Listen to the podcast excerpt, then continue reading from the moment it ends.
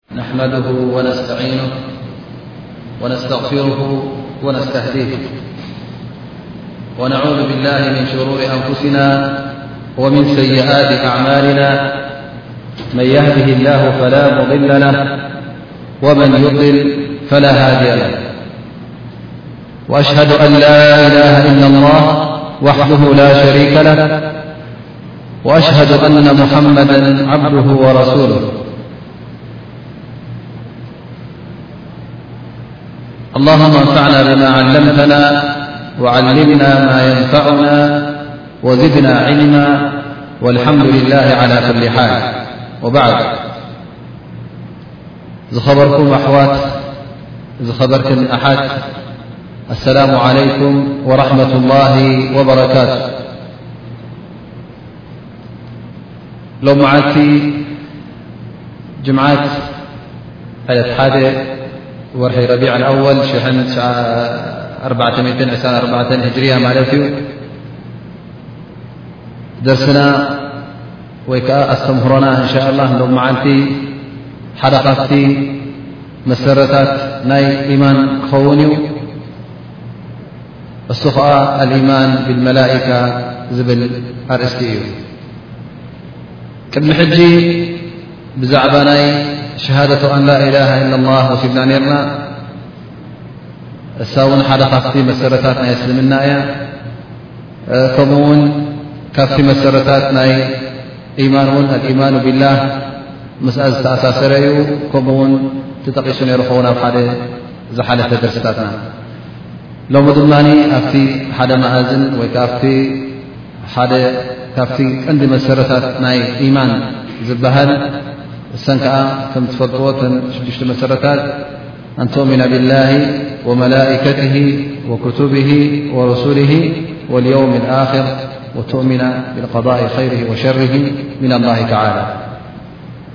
እምበኣርከስ ናይ ሎሚ መዓልቲ ደርስና ኢማን ብመላኢካ ትብል እዛ ኣርእስቲ ዝሓዘረት ክትከውን ከላ እዚ ኢማን እዚ ወይ ከዓ እዚ እምነት እዚ እንታይ ዓይነት ከም ምዃኑ ክንርዳእ ኢና ከምኡ ውን እዞም መላኢካታት እንታይ እዮም እበልዑ ድዮም ኣይበልዑን ሰትዩ ድዮም ኣይሰትዩን እዋለዱ ድዮም ኣይዋለዱን ይኣርጉ ኣይኣርጉን ይሞቱ ድዮም ኣይሞቱን ብዙሕ ሕቶታት ኣሎ ብዙሕ እውን ኣስላማይ ክፈልጦ ዝግባእ ምኽንያቱ ኣብቲ ክታብ ቁርን ዝረኸብናዮን ኣብቲ ክታብ ወይ ከዓቲ ሱና ናይ ነቢ ሙሓመድ ለ ላ ለ ወሰለም ዝረኸብናዮ ስለ ዝኾነ ምስቲ ኢማን ናህና ዝተኣሳሰረ ስለ ዝኾነ ድማ ተጋጊና ዘይከውን እምነት ከይናኣምን ምኽንያቱ ቅድሚ ሕጂ ሰብ እቶም መላእካታት በቲ ሓንጎሉ በቲ ሓፂር ኣተሓሳስባ ናይ ወዲ ሰብ ብኡ ሓሲቡ ብኡ ዓቂኑ ክጠም ከሎ ከምቲ ናይ ወዲ ሰብ መልክዕ ይህቦም ወይ ከዓ መላይካ ደቂ ኣንስትዮ እየን ወይ ከዓ መላይካ ደቂ ተባዕትዮ እ ዝብል እምነት ይሓድሮ ኸውን ስለዚ እዚ እዚ ዓይነታት እምነት ከይሓድሮ ካብ ሓንጎልካ ምፅካ ሓደ ዓይነት እምነት ንከይሓድረካ ካብቲ ቀንዲ ክታብ ቁርን ከምኡ ውን ካብቲ ሱና ናይ ነቢና ሙሓመድ صለ ላه ለ ወሰለም ካብኡ ክንርዳ ኢና ማለት እዩ መላእካ ናቶም ናይ በይኖም ዓለም ኣለዎም ከምቲ ልክዕ ዓለም እንስ ዝበሃል ማለት ናይ ወዲ ሰብ ዓለም ናህና ጅኒ ድማ ወይ ከዓ ጋኒን ናቶም ናይ በይኖም ዓለም ኣለዎም ከምኡ ውን መላእካ ውን ናይ በይኖም ዓለም ኣለዎም ማለት እዩ ናይ በይኖም ዓለም ክበሃል ከሎ ድማ እሶም ዝነብርሉ ቦታ ፍሉጥ ከምኡ ውን ካብ ምንታይ ከም ተኸለቁ ፍሉጥ ናቶም ባህርያት በይኑ ልክዕ ከም ባህርያት እቲ ሰብ ኣይኮነን ከም ባህርያት ናይ ጅኒ ኣይኮነን እቲ ተኸልቁሉ እውን ጥረ ነገር ካብ ምንታይ እዮም ተኸሊቆም ፍሉይ ዝኾነ እዩ ናቶም ድማ ስለዚ ንበይኖም ከም ሓደ ዓለም ይሕሰቡ ማለት እዩ እሱ ድማ ሓደ ካብቲ ክቡር ዝኾነ ዓለም ዓለም غይቢ ይብልዎ ማለት ሕቡእ ዝኾነ ካባና ንና ክንሪኦ ዘይንኽእል ብዓይንና ክንሪኦም ዘይንኽእል ግን ኣላ ስብሓን ወተላ ሓደ ሓቲ ግዜ ብሰብ ትመሲሎም ክትሪኦም ትኽእል ኢኻ ቅድሚ ሕጂ እውን ተራእዮም ነሮም እዮም ነቢና ሙሓመድ ለ ለ ወሰለም እውን ንጅብሪል በቲ ቀንዲ መልክዑ እውን ክልተሻዕሪእዎ ነይሩ ግን ናብ ነቢና ሙሓመድ ክመፅእ ከሎ መብዝሕቲ ግዜ መልክዑ ብሰብ ተመሲሉ እዩ ዝቐርብ ነይሩ ጅብሪል ማለት እዩ ከምኡውን ካልኦት መላእካታት ኣላ ስብሓን ወተዓላ ክሰዶም ከሎ መልክዕ ናይ ሰብ እውን ለቢሶም እመፁ እዮም ነይሮም ስለዚ እቲ ቐንዲ ነገር ግን ክንኣምኖ ዘለና ዓለም መላእካ እቲ ናይ መላእካ ዓለም ንበይኑ ምዃኑ እሕና እውን ክንሪኦ ዘይንኽእል ምዃንና እዚ ሓደ ካብቲ ናይ ብቐይዲ እንኣምነሉ ወይ ከዓ ኪራኣና እንኣምነሉ ኣለዉ ተባሂልና ኣብቲ ክታብ ቁርን ወላ ውን ኣይንርኣዮም ከም ዘለዉ ክንኣምን ኣለና ማለት እዩ መላካ እዚኣ ድማ ንመወሰኽታ ማለት እዩ መላካ ብሉ ብቋንቋ ዓረብ ቀንዲ ከሊማ እዛ ከሊማት ካብ ምንታይ እያ መፅያ ቀንዲ ናታስ እንታይ እዩ ተኣስል ናይዛ ከሊማ እንታይ እዩ ካብ ክልተ ይብሉ ገሊኦም ይብሉ ካብ ኣለካ ኣለካ ብቋንቋ ዓረብ ማለት እዩ ኣለካ ማእለካ ኣይ ርሳላ ገለ ዕለማ ድማ ኢሎም ቀንዲ ናታ እንታይ ዩ ካብ ላኣካ እዚኣ ሕጂ ናብይ ትቐርብ ኣላ ማለት እዩ ናፍታ ትግርኛ ላኣካ ለኣኸ ማለት እዩ መልኣካ መልኣኽ ኣ መልኣኸ እታ ዝተቐራረበት እያ ወልማዕና ክልቓል ዓረብያ ኣሪሳላ ምልኣኽ ማለት ኣርሰለዉ ማለት እዩ ስለዚ ሓ ኣብቲ ቀንዲ ቋንቋናተን እውን ብቋንቋ ዓረብን ናይ ቋንቋ ትግርኛን ርክብ ኣለወን ማለት እዩ እቲ መልኣኽ ክትብል ከለኻ ወይ መላእካ ክትብል ከለኻ ካብ እንታይ ዝተበገሰ ማለት እዩ ካብ መልኣኽ ኣርሰለሁ ልኢኽዎ ማለት እዩ ምክንያቱ ኣላ ስብሓን ወተዓላ ሓደ ካብቲ ናይዞም መላእካታት ስራሓት እንታይ እዩ ናብ ነቢያታት ይሰዶም ናብ ሰብ ይሰዶም ነንሕዶም ይሰዶም ይለኣኹ ስለ ዝኾኑ እዚ ስም እዚ ሒዞም ማለት እዩ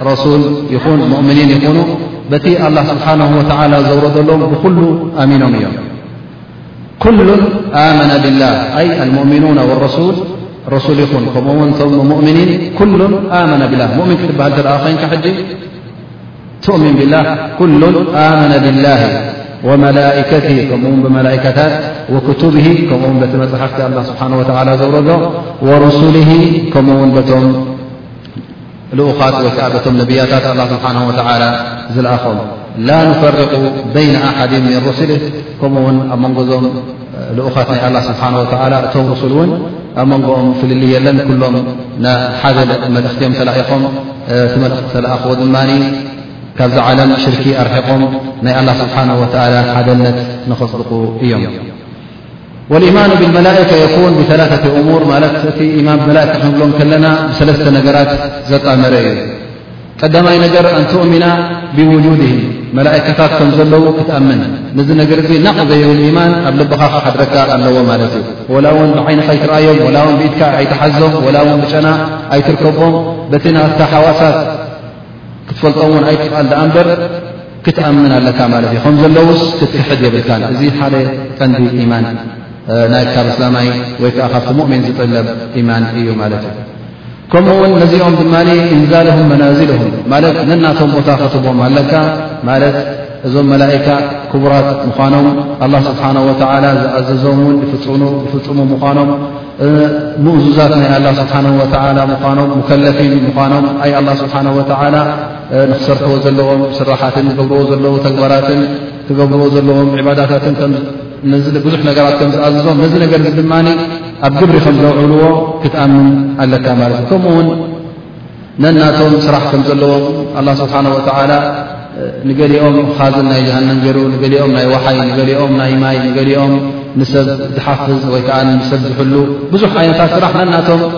ሞያ ሂብዎም እዩ በዚ ነገር እዚ እውን ክትኣምን ኣለካ ስለምንታይ ስለ ኣብቲ ክታብ ኣላ ስብሓን ወተዓላን ኣብቲ ሱና ናይ ነቢና ሙሓመድ ለ ላ ለ ወሰለም እንረኽቦን ማለት እዩ ከምኡ ውን ካብቲ ክትኣምን ዘለካ ውን ኣን ላ ስብሓን ወተላ ልኡኻት ካብኣቶም ልኡኻት ከም ዝሰድድ ናብ ወዲ ሰብ እቲ ውሓይ ዝበሃል ካብ ኣላ ስብሓን ወተላ ዝመፅእ ናብ ነቢያታት ናብቶም ርሱል ድማ ብኦም ከም ዝለኣኽ ክትኣምን ከም ዘለካ ማለት እዩ ፈተዕተሪፍ ብኣን ኣላ ስብሓን ወተላ ልኡኻት ከም ዝገበሮም ኣብ ዝደለዮ እውን ከም ዝልእኮም እዚ ሕጂ ሰለስተ ነገራት ዘጣምረ እዩ ነዚ ኢማን እዚ እውን ኣብ ልብኻ ክሓድረካ ኣለዎ ነቕ ዘይብል ኢማን እውን ክህልወካ ኣለዎ ማለት እዩ እንሻ ላ ድማ ሕጂ በብሓደ ኣብቲ ትንተና ናይዚ ኢማን እዚ መሓላለፍ ኢና ናይቶም መላእካታት እውን ብዙሕ ባህርያትን ብዙ ከመይ ከም ተኸለቀ እውን ክንፈልጥ ኢና ማለት እዩ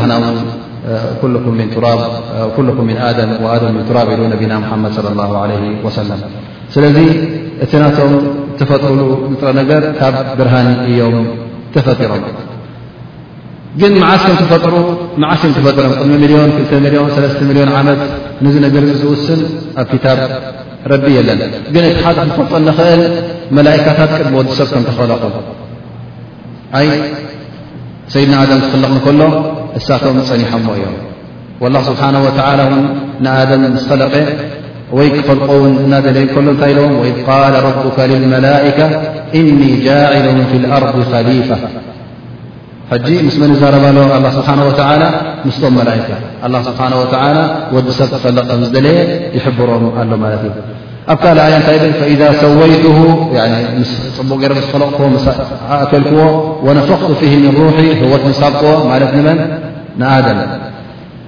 ፈቐዑ ለሁ ሳጅዲን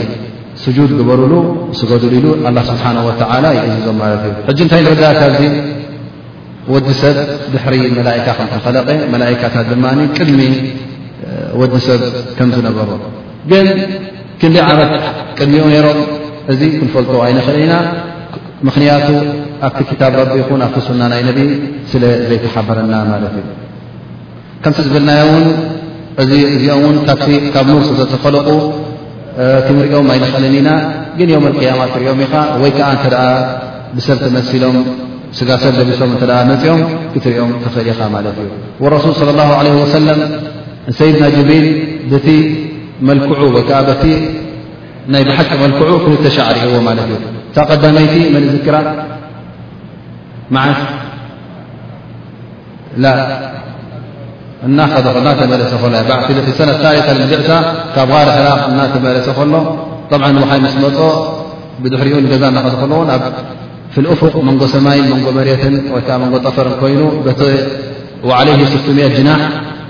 በዚ እቲ ቀንዲ ክልቃናቱ ብኡ ሪእዎ ማለት እዩ ሰንቢዱ ዝያዳ ረሱል ስለ ላ ለ ወሰለም እውን ንገዝ ኮይዱ ዘሚሉኒ ዘሚሉኒ እናበለ ማለት እዩ ነብስም ፈጥፈጥ እናበሎም ነቢና ሓመድ ለ ላ ለ ወሰለም ምክንያቱ እቲ ወዲ ሰብ ክርኢ እተ ኮይኑ ሓደ ፍጡር ዝገዘፈ ፍጡር እተ ዝፈልጦ ኮይኑ ቅድሚ ሕጂ ኣብቲ ናይ ህብረተሰብ ዓረብ ተዳርእና ካገመል እያ ነራ ማለት እዩ እስኻ ላኪን ሕጂ ስሜት ጅናሕ ዘለዎ ነዚ ሰማይ እዚ ዕፁን ዘብሎ ፍጡር እንተዳሪእኻ እንታይ ዓይነት ስምዒት ስምዓካ እዚ ሕጂ ነቢና ሙሓመድ ስለ ላ ሰለም እውን ከሰንብዶም ክኢሉ ግን ፈይጦም ማለት እዩ መላእካ ምኳኑ ስለተሓበሩ ከምኡ ውን ተካለይቲ ኣምዓት መን ይዝክራ ንዓ ላ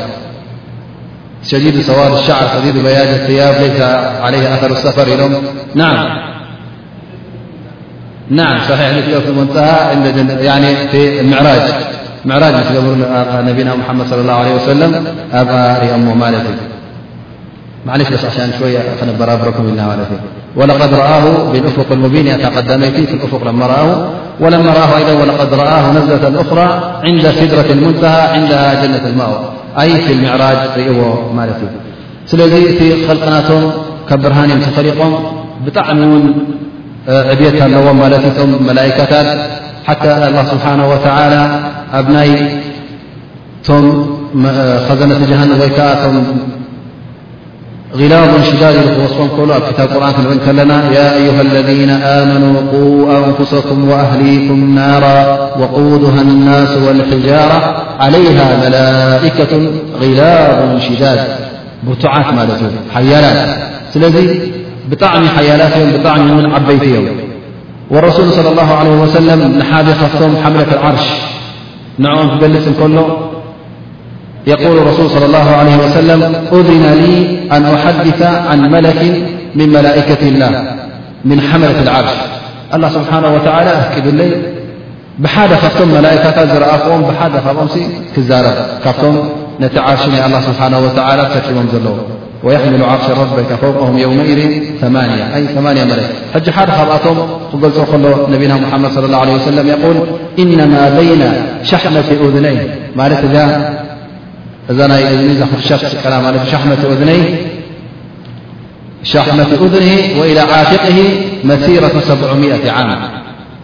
መገዲ ሸውዓተ ሚእቲ ዓመት ኣሎ ማለት እዩ ኣብ መንጎ ዙ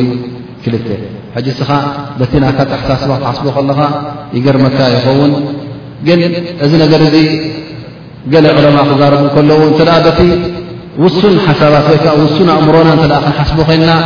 እቲ ናይ መላይካ ኣፈጣጥራ ይኹን ወይ ከዓ እቲ ናቶም ክእለት ዘለዎም ሲ በቲ ውሱን ኣእምሮ ዝሃበና ክንሓስብ ከለና ናይ ብሓቂ እቲ ናቶም ውሳኔ ክንዎም ኣይንኽእልን ኢና ይብል ማለት እዩ ስለምንታይ ገለ ገለ ምናልባሽ ዘይኣምን ሰብ ይህሉ እብለካ ሎሚ እንተ በቲ ናይ ትምህርቲ ክምሃር እተ ኮይኑ ከዋኸብቲ እዚ ኩሉ ትሕቲ ሰማይ እዮ ዘለዋ ኩለን ከዋኸብቲ እቲ ብርሃናተን ንመሬት ንክበፅሕ መላይን ዓመታት የድዮ እዩ ከመይ ጌርኩም እዚ መላእካ እዚ ኣረሱል ስ ላ ሰለም ሓንቲ ሕቶ ክሕተት እንከሎ ካብ ሸውዓተ ሰማያት ትእዛዝ ሒዙ ጅብሪልሲ ብክተ ሰለስተ ሰከንዲ ንመሬት ዝወርድ ነይሩ ትብሉ ኢሉ ሓደ ናልባሽ ከደናግረካ የኽእል ይኸውን እዚ እንታይ ሕጂ እቲ ኣተሓሳስባ ናካ ብምንታይ ሓስብ ኣለኻ ማለት እዩ በቲ ኣላ ስብሓን ወላ ዝሃበካ ውሱን ኣእምሮ ይኸውን ኢልካ በቲ ናካ ሓሳባት ትሓስብ ስለ ዘለኻ እቲ ናቶም ኩነታት ኩሉ ጌጋ ውሳነ ትበሉ ኣለኻ ማለት እዩ ምክንያቱ ከምቲ ሓደ ዓሊም ዝበሎ እንተ ንኣብነት ፃፀ ኢሉ ብዛዕባ ወዲሰብ ክትሓስብ እተ ኮይናስ እንታይ ውሳኔ ክትህብ ትኽእል ፃፀ ሕጂ ሓደ ፍጡር እዩ ንሕና ኩላና ፃፀ ዝበሃል ፍጡር ከም ዘሎ ንፈልጥ ኢና ግን እንተ ፃፀ ብወዲሰብ ትሓስብ ኮይና ንኣብነት ወዲ ሰብ ሕጂ በቲ ኣእምሮ ናቱ በቲ ኣካይዳ ናቱ በቲ ዕብት ናቱ ኩሉ ሓስ እተ ኮይና በቲ እምሮናታ ንድሕር ክትቅይሶን ከመይ እዩ ከምዚ ክትብል እተ ኮይና እንታይ ዓይነት ውሳነ ክትበፅሕ እል እንታይ ፍርዲ ክትህብ ትኽእል ቁኑዕ ፍርዲ ክትህብ ትኽእል ኣይትኽእልን እያ ምኽንያቱ ኣብ መንጎ ወዲ ሰብን ኣብ መንጎ ፃፀ ዘሎ ፍልልይ ዓብዩ እዩ እቲ እምሮ ምሳኻ ዘሎን ኣእምሮ ምስኣ ዘሎን ሓደ ኣይኮነን ኣላ ስብሓን ወተዓላ ንዓኣ ዝሃቦ ኣእምሮ ውሱን እዩ ምስቲ ናታ ዓለም ዝተኣሳሰረ እስኻ ድማ ልክዕ ወዲ ሰብ መጠን ብምዃንካ ውን ምስቲ ናህቲ ዓለም ዝተኣሳሰረ ኣእምሮ ኣለካ ግን ኣብቲ ናይ መላይካ ዓለም ክትሓልፍ እተ ደሊኻ ውሳነ ክትብ እተ ኮንካ ድማ ካብ ክታብ ረብን ካብ ሱናንብ እተ ወፅእካ ብተሓንጎልካ እተ ውሳነ ክትበሉ ኮንካ ቁኑዕ ውሳነ ኣይትበሉን ኢኻ ስለዚ ብዛዕባ ናይ መላይካ ክትጥቀስ እንከሎ ከምዚኦም ከምዚኦም ክበሃል እንከሎ እንተ ቁኑዕ ካብ ክታብ ረቢ ዝመፀካ መርትዖ ኣለካ ኮይኑ ወይ ከዓ ካብ ስና ነቢ ካብኡ ኣብኡ ተመርኪስካ እተ ኮይንካ መርትዖ ኣለካ ኮይኑ ውሳነ ትህብ ትኽእል ኢኻ ግን ባዕልኻ ብይኸውን ኢልካ ከመይዩ ከምዚ ኢልካ እተ ተመራሚረ ክበፅሐ ትብል እተ ኮይንካ ቁኑዕ ውሳነ ወይ ከዓ ቁኑዕ ፍርዲ ኣይትበሉን ኢኻ ስለዚ እዚ ዓለም ኣልገይብ ሕቡእ ዓለም ስለ ዝኾነ ካባና ተጠንቂቕና እቲ እንኣምነሉን እቲ ዘይንኣምነሉን ተጠንቂቕና ክንከይድ ኣለና ማለት እዩ ካብቲ ኣፈጣጥራ ናቶም ድማ ኣላ ስብሓን ወተላ ክንፍታት ገይሩ ፈሊቕዎም ማለት ኣጅኒሓ ኩሎም ድማ ሓደ ዓይነት ኣጅኒሓ የብሎምን ከምቲ ዝበልናዮ ሰይድና ጅብሪል ስትምኤ ጅናሕ ኣለዎ ኣብ ቁርን ተመሊስና ክንኸልና እዚ ሓዲ ዝረኸብናዮ ኣብ ቁርን ክንምለስ ከለና ድማ ኣላ ስብሓን ወተላ እንታይ ይብል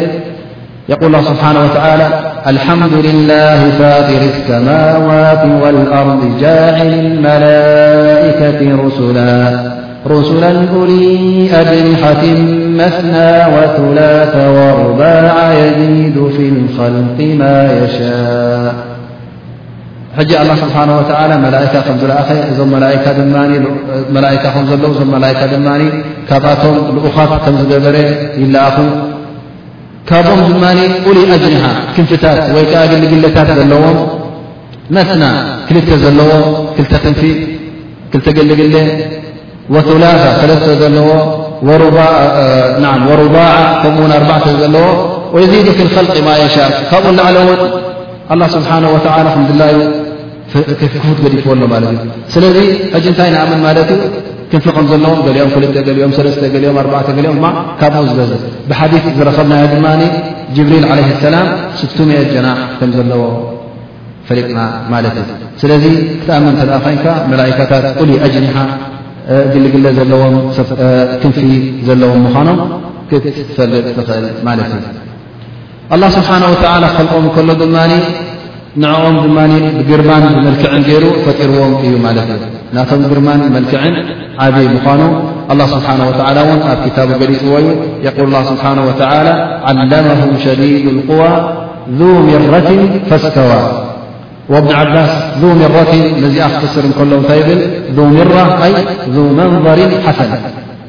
ፅቡቕ መልክዕ ዘለዎ ንኽትሪኦ ፅቡቕ ዝኾነ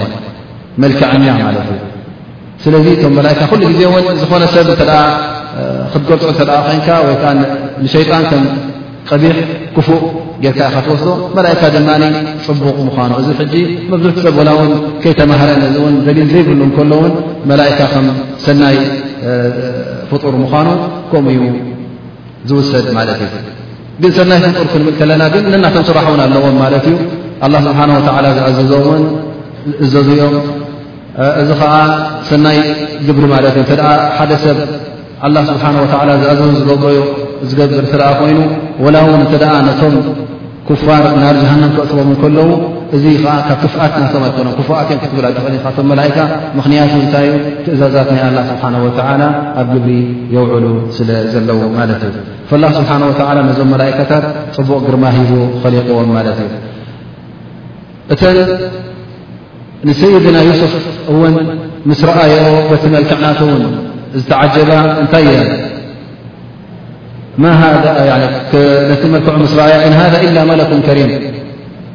ወዲ ሰብ ምዃኑ ውን ኣይኣመናን እዚስ መላእካ ክኸውን ኣለዎ በርቲ ሰብ ኣይኮነን ኢለን ማለት እዩ ስለዚ ኩሉ ግዜ ወላ ውን እቶም ዘይኣምቶም ክፋር ዝተባህሉ እውን እንተ ብዛዕባ ናይ መላእካ ክዛረቡ ኮይኖም እቲ ኣብ ልቢ ሰብ ተሰቂሉ ዘሎ መላእካታት መልክዐኛታት ምዃኖም እዮም ወልመላእካ ብ የተሸበሁነ ብናስ ላኪን ሰብ መስሊኦም ክንብሎም ኣይንኽእል ኢና ግን እንተ ናብ ሰብ ክመፁ ኮይኖም ምክንያቱ ኣላ ስብሓን ወተዓላ እቶም ነብያታት ዝሰዶም ዝነበረ ካብ ደቂ ሰብ ስለ ዝገበሮም ናብኦም መላእካ ክሰድድ እንከሎ መብዝሕቲ ግዜ መልክዕ ናይ ሰብ ለብሰም ዝመፅዎም ነይሮም ማለት እዩ ከምቲ ዝበልናዮ ኣረሱል ለ ላ ለ ወሰለም ጅብሪል ክመጾ ከሎ ይ ሒዙ ሓንሳ መልክዕ ናይ ድሕየት ልከልቢ ዝተባህለ ሓደ ዓረብ መልክዐኛ ዝኾነ ሰሓቢ ነይሩ ንኡ ተመሲሉ መፅ ነይሩ ሓደሓደ ግዜ እውን ከምቲ ሓ ዝጠቐስናያ ዘይፍለጥ ሰብ ሓደ ኣዕራቢ ካብ ሃገረሰብ ዝመፀ ሰብ ዝመስል ግን ክሪእዎም ከለዉውን ይግረሙ ነይሮም ቶም ኣስሓብ ረሱል ስ ላ ሰለም እዚ ኣዕራቢ ሓደ ክተቕስቦ ከለዉ ጃء ኢለ ረሱል ስ ሰለም ወሰፉ ሰሓባ ክገልፅዎ ከለዉ እዚ ሕጂ ክምህሮም እዩ መፅኡ እፈልጦ እውን ኣይነበሩን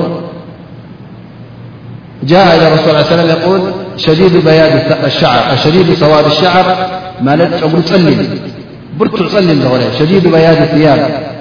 ክዳውንቲ እውን ፃዕዳ ሕጂ ወደ ሓደ እውን ካብ ሃገረሰብ መጨፍሎ ከለካ ነዚ ዓይነት እውን ዘክደን ዝለብስ ኣይኮነን ላ ዩራ ዓለይህ ኣሰር ሰፈር ካብ መገሻ ውን ዝመፀ ይመስልን ካብ መገሻ ዝመፀ ክሉ ሰብ ርሑቕ መንገዲ ስለ ዝኾነ ናይ ደሮና ናይ ድኻም ናይ ገደ ክዳውንትኻ ረስሕ ደሮና ይዓስለካ እዚ ኩሉ ሕጂ ኣይነበረን ማለት እዩ ግን ክሪእዎ ከለዉ ድማ መልክዑ መልክዕ ሰብ ዝመስል ጋሻ መስል ማለት እዩ እዚ ሕጂ ሓድሓደ ግዜ ናብ ነቢና መሓመድ ስለ ላ ሰለም መፅ እዙ እግሩ ብርኩ ናብ ነቢና መሓመድ ስ ላጊቡ ያ ረሱላ ላ ዓሊኒ መልኢማን መልእስላም መልእሕሳን ኢሉ ክሓቶም ጀሚሩ ነቢና መሓመድ ስለ ለ ሰለም እውን ነዚአን መሊሶም ነዚኦም ምስ መለሱ ትኽኢሉ ወፅእ ውፅእ ምስ በለ ክድረኣይዎ ኢሎም ተረኣዩ ዘየለ ትፈልጦ መን ዚ ኢሎም ረሱል ሰለም ነቶም ኣብኡ ኮፍ ኢሎም ነበሩ ይሓቱ ወላ ንድዒ መጀመርያ ግዜና ሃ ጅብሪል ጃእኩም ይዓልሙኩም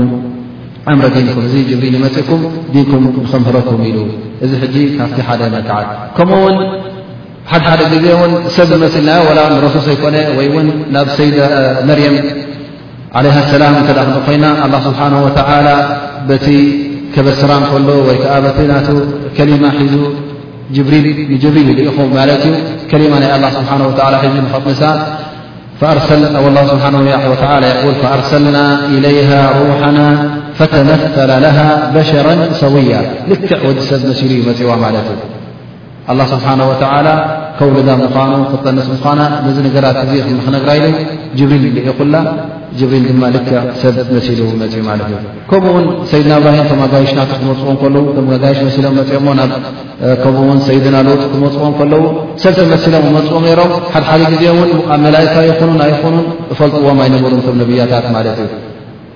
ስለዚ መላይካ ሙምኪን ስጋ ሰብ ይለብሱ ወይ ሰብ ተመሲሎም እመፁ ምዃኖም እዚ ሕጂ ሓደ እምነት ክህልወና ኣለዎ ክንኣምን እውን ኣለና ማለት እዩ ወልመላኢካ ኩሎም ሓደ ኣይኮኑን ገሊኦም ብ ገለ ይበልፁ እዮም ኩሎም ሓደ ደረጃ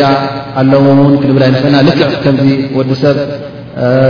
ማለት እቶም ሙእምኒን ዝተባህሉ ማለት እዩ ሙእምኒን ኣስላም ተባሂልና ሃል ኩላህና ብሓደ ረቢ ንኣምን ድኣ ንኹን ድኣ እምበር ከምኡ ውን ብነቢና ሙሓመድ ስለ ላ ሰለም ንኣምን ንፅሙም ንሰግድ ግን ኩላህና ኣብ ዓይኒ ኣላ ስብሓን ወተዓላ ሓደ ኣይኮናን ምኽንያቱ እቲ ኢማን ናህና ዝተፈላለየ ስለ ዝኾነ ከምኡ ውን ኣላ ስብሓን ወተላ ነዞም መላእካ ክፈልቆም ከሎውን በቢ ዓይነቱ ደረጃ ገይርዎም የተፋበሉን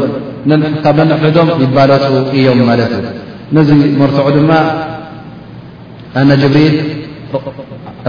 ጅብሪል ለ ሰላም ናብ ነቢና ሙሓመድ ለ ላ ለ ወሰለም መፅኦ ሓደ ግዜ ይብሉ ማ ተዕዱና ኣህለ በድር ፊኩም ያ ሙሓመድ ነቢና መሓመድ ስላ እዞም ኣብ በድር ዝተዋግኡስ እንታይ ዓይነት ወይ ከዓ እንታይ ዓይነት ኣረኣይ ኣለኩም ብዛዕባኦም ኢሉ ንነቢና ሙሓመድ ለ ላ ለ ወሰለም ጅብሪል ይሓቶ ማለት እዩ ጅብሪል እንታይ ይብል ኣይ ሙሓመድ ለ ላ ሰለም እንታይ ይብል ነቢና ሙሓመድ ቃል ምን ኣፍል ሙስልሚን ኣው ከሊመተ ምትላሃ ካብቶም ብሉፃት ዝኾኑ ኣስላም ካብኦም ኢና ንሓስቦም ይብሎ ነቢና ሙሓመድ ስ ሰለም ጅብሪል ድማ መንስሊ እንታይ ይብል ወከሊከ መን ሸሂደ በድረ ምና መላካ ከምኡ ውን እቶም ኣብ ኩናት በድሪ ዝተካፈሉ መላካ ውን ንሕና ልክዕ ከምኡ ገርና ኢና ንሪኦም ካብቶም ብሉፃት ዝኾኑ እዮም ዝሕሰቡ ኣብቲ ናይ ዓለም ኣመላካ ስለዚ እንታይ ንርዳእ ካብዚ ማለት እዩ መላካ ውን ደረጃታት ምዃኖም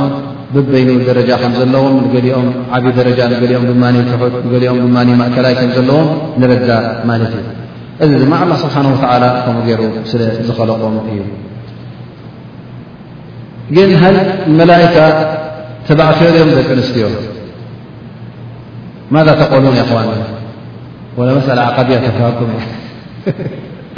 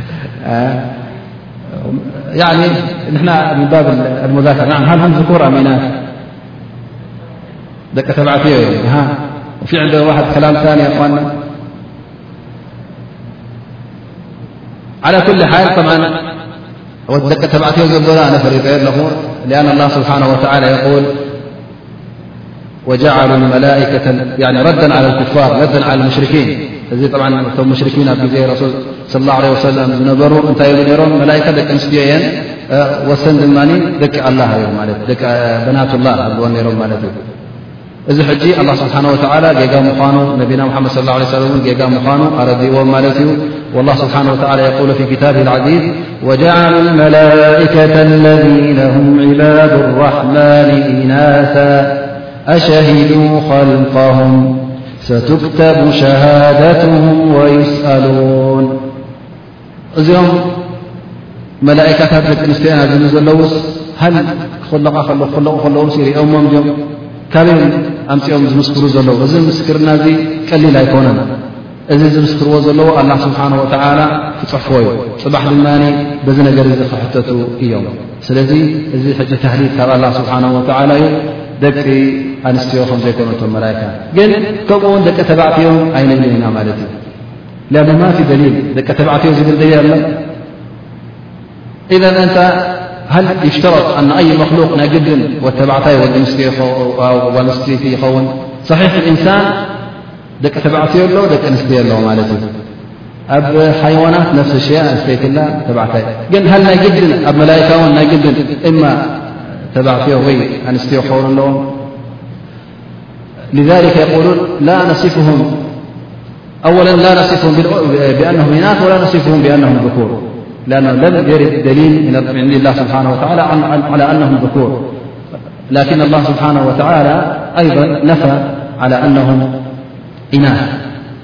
ን ሃ ካነ እዕትቃድ እሳኤል ወቃሉ በናት ላ እዮም ዝነሮም ደቂ ኣላ እየን ዘ መላእካታት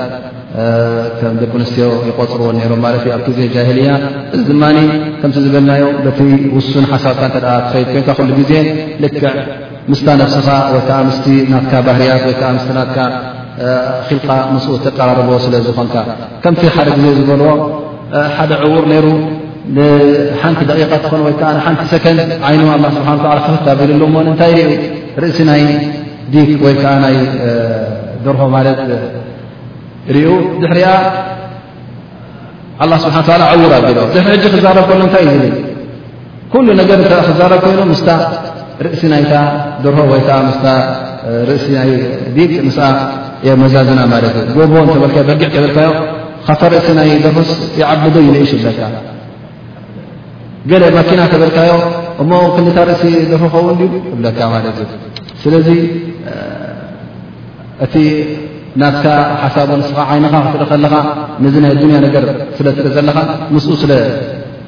ድማ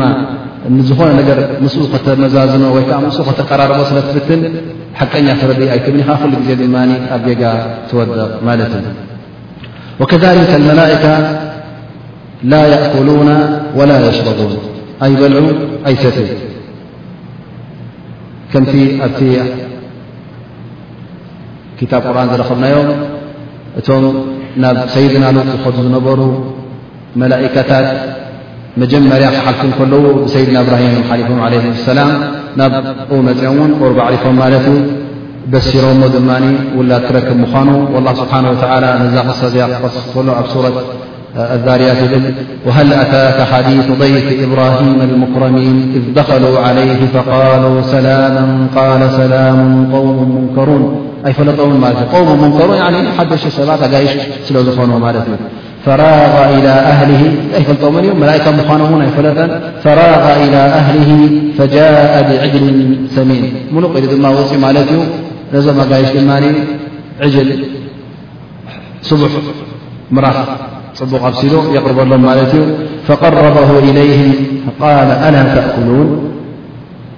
ሕጂ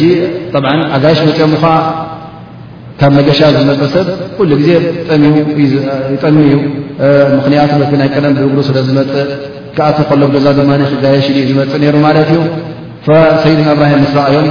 ነቲ ብልዒ ኣይቀረብዎም ማለት እዩ ፈኣውጀሰ ምንሁም ኺፋ ሕጂ ፈሪሁ ማለት ናይ ብሓቂ እንታይ ኣ ዳኣለምዚኦም ኣጋይሽ መፅኦም ጥዑም ብልዒ ኣቕሪበሎም ናብቲ ብልዒ ወላ ኢዶም ወስ ዘየብሉስ እንታይ ኮይኖም እዮም ኢሉ ማለት እዩ ቃሉ ላ ተኸፍ ኣም ጠማኑ ኣይትፍራህ ኣጆ ካኢሎም ወበሸሩ ብغላም ዓሊም ሽዑ መላእካታት ምዃኖም ካብ ኣላ ስብሓን ወተላ ከምተላእኹ ይነግርዎ ማለት እዩ ኣላ ስብሓን ወተላ ድማ ውላድ ከምዝቦ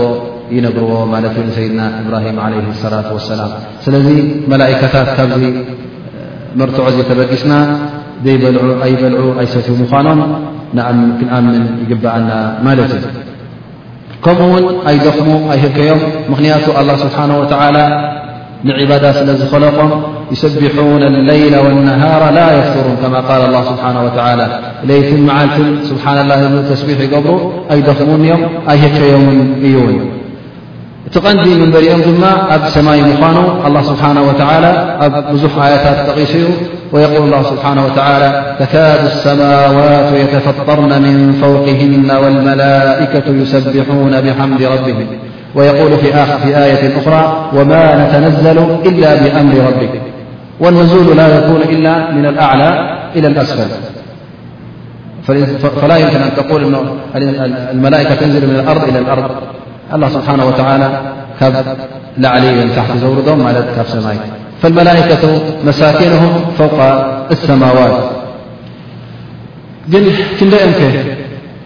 ሃል ኣብ ክታብ ቁርን ተጠቕሱ ኣለዉ ዕስራ ሰላሳ ከምቲ ሕና ንፈልጦ ናይ ኣንብያ ኣብ ክታብ ቁርን ዝተጠቕሱ ኣለዉ ዕስራን ሓሙሽተን ተጠቒሶም ብኦም ውን ክንኣምን ኣለና ማለት እዩ ግን ኣብ ርእሲኡ ድማ ዘይንፈልጦም ነብያታት ከም ዘለዉ ውን ንኣምን ኢና ብዙሓት ውን ከም ምዃኖም ብዛዕባ መላእከታት ከ እንታይ ኣሎ ክንደይ ከቕፅሮም ኣሽሓት ድኦም ሚልዮናት ወይ ሚእትታት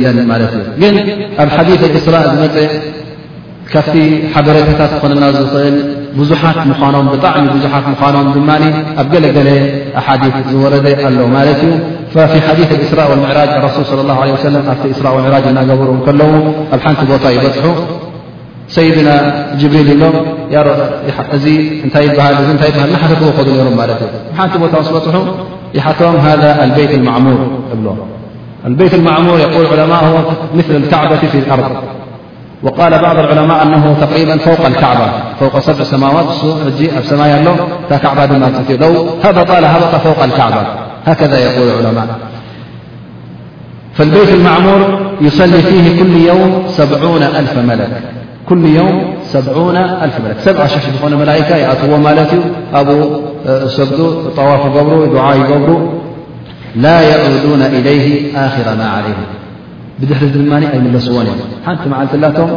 እዚኦም መፁ ሰብዒን ኣልፍ መለክ ኩሉ ዮም መዓልታዊ ሰብ ሽሕ መላእካ መፁ ኣብዚ ገዛ ዚ ኣት ድዓኦም ገይሮም ጠዋፎም ገይሮም እስትዕፋሮም ገይሮም ሰዚዶም ይወፁ ማለት እዮም ብድሕሪኦም ካልኦት መፁ ፅባሒቲ ካልኦት ንካልኦት ካልኦት ተኸየል ካብ ኣላ ስብሓን ወተዓላ ነዚ ዓለም ዝኸልቃ ክሳብ ሕጂ ይቕፅል ኣሎ ማለት እዩ ክንዲ ክኸውን ይቁፅሮም ኢዘ ዓደድም ከቢር ጅዳ ከምኡ ውን ረሱል صለ ላه ለ ወሰለም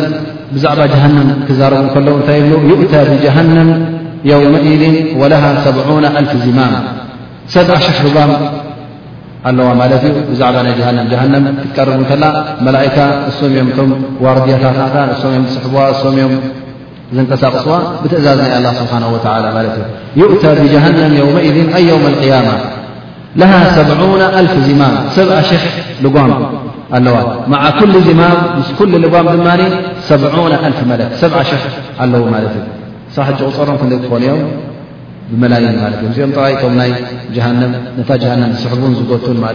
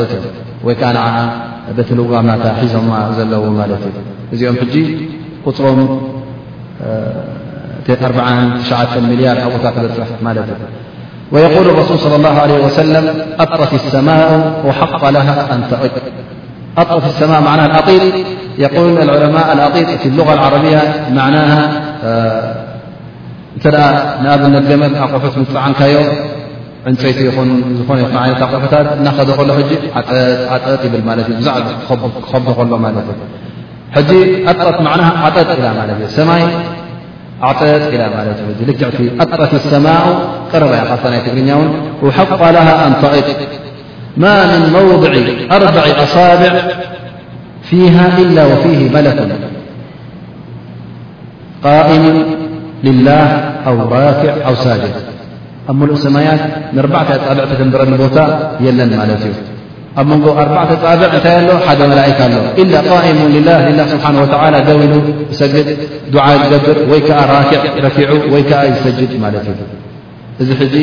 እንታይ የርእካ ማለት እዩ ብዝሒ ናይቶም መላእካታት ክንደይ ቁፅሮም ሕጂ ክቁፅሮም ኣይትኽእል ኢኻ ግን ክትኣምን እተ ኮንካ ብዙሓት መላእካታት ከም ዘለዉ ቁፅሮም ዘይፍለጥ መላእካት ከም ዘለዉ ክትኣምን ይግባእካ ማለት እዩ እዚ ድማ ሓደ ካብቲ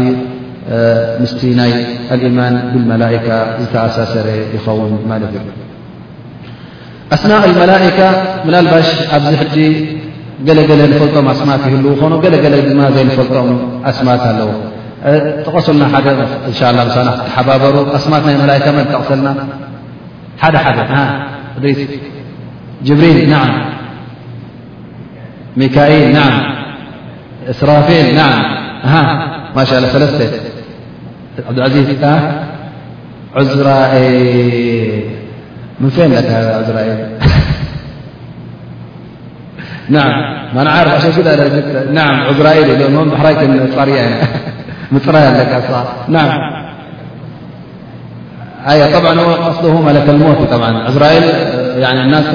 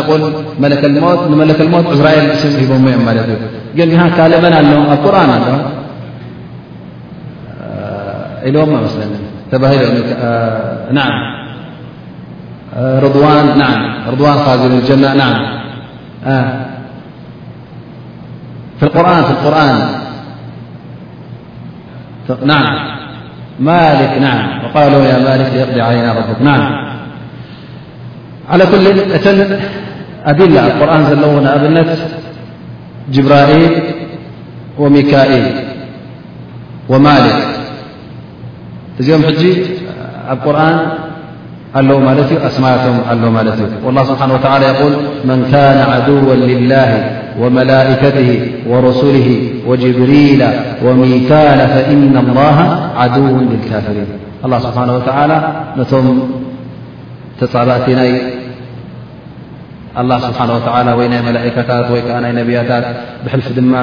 ተፃባእቲ ናይ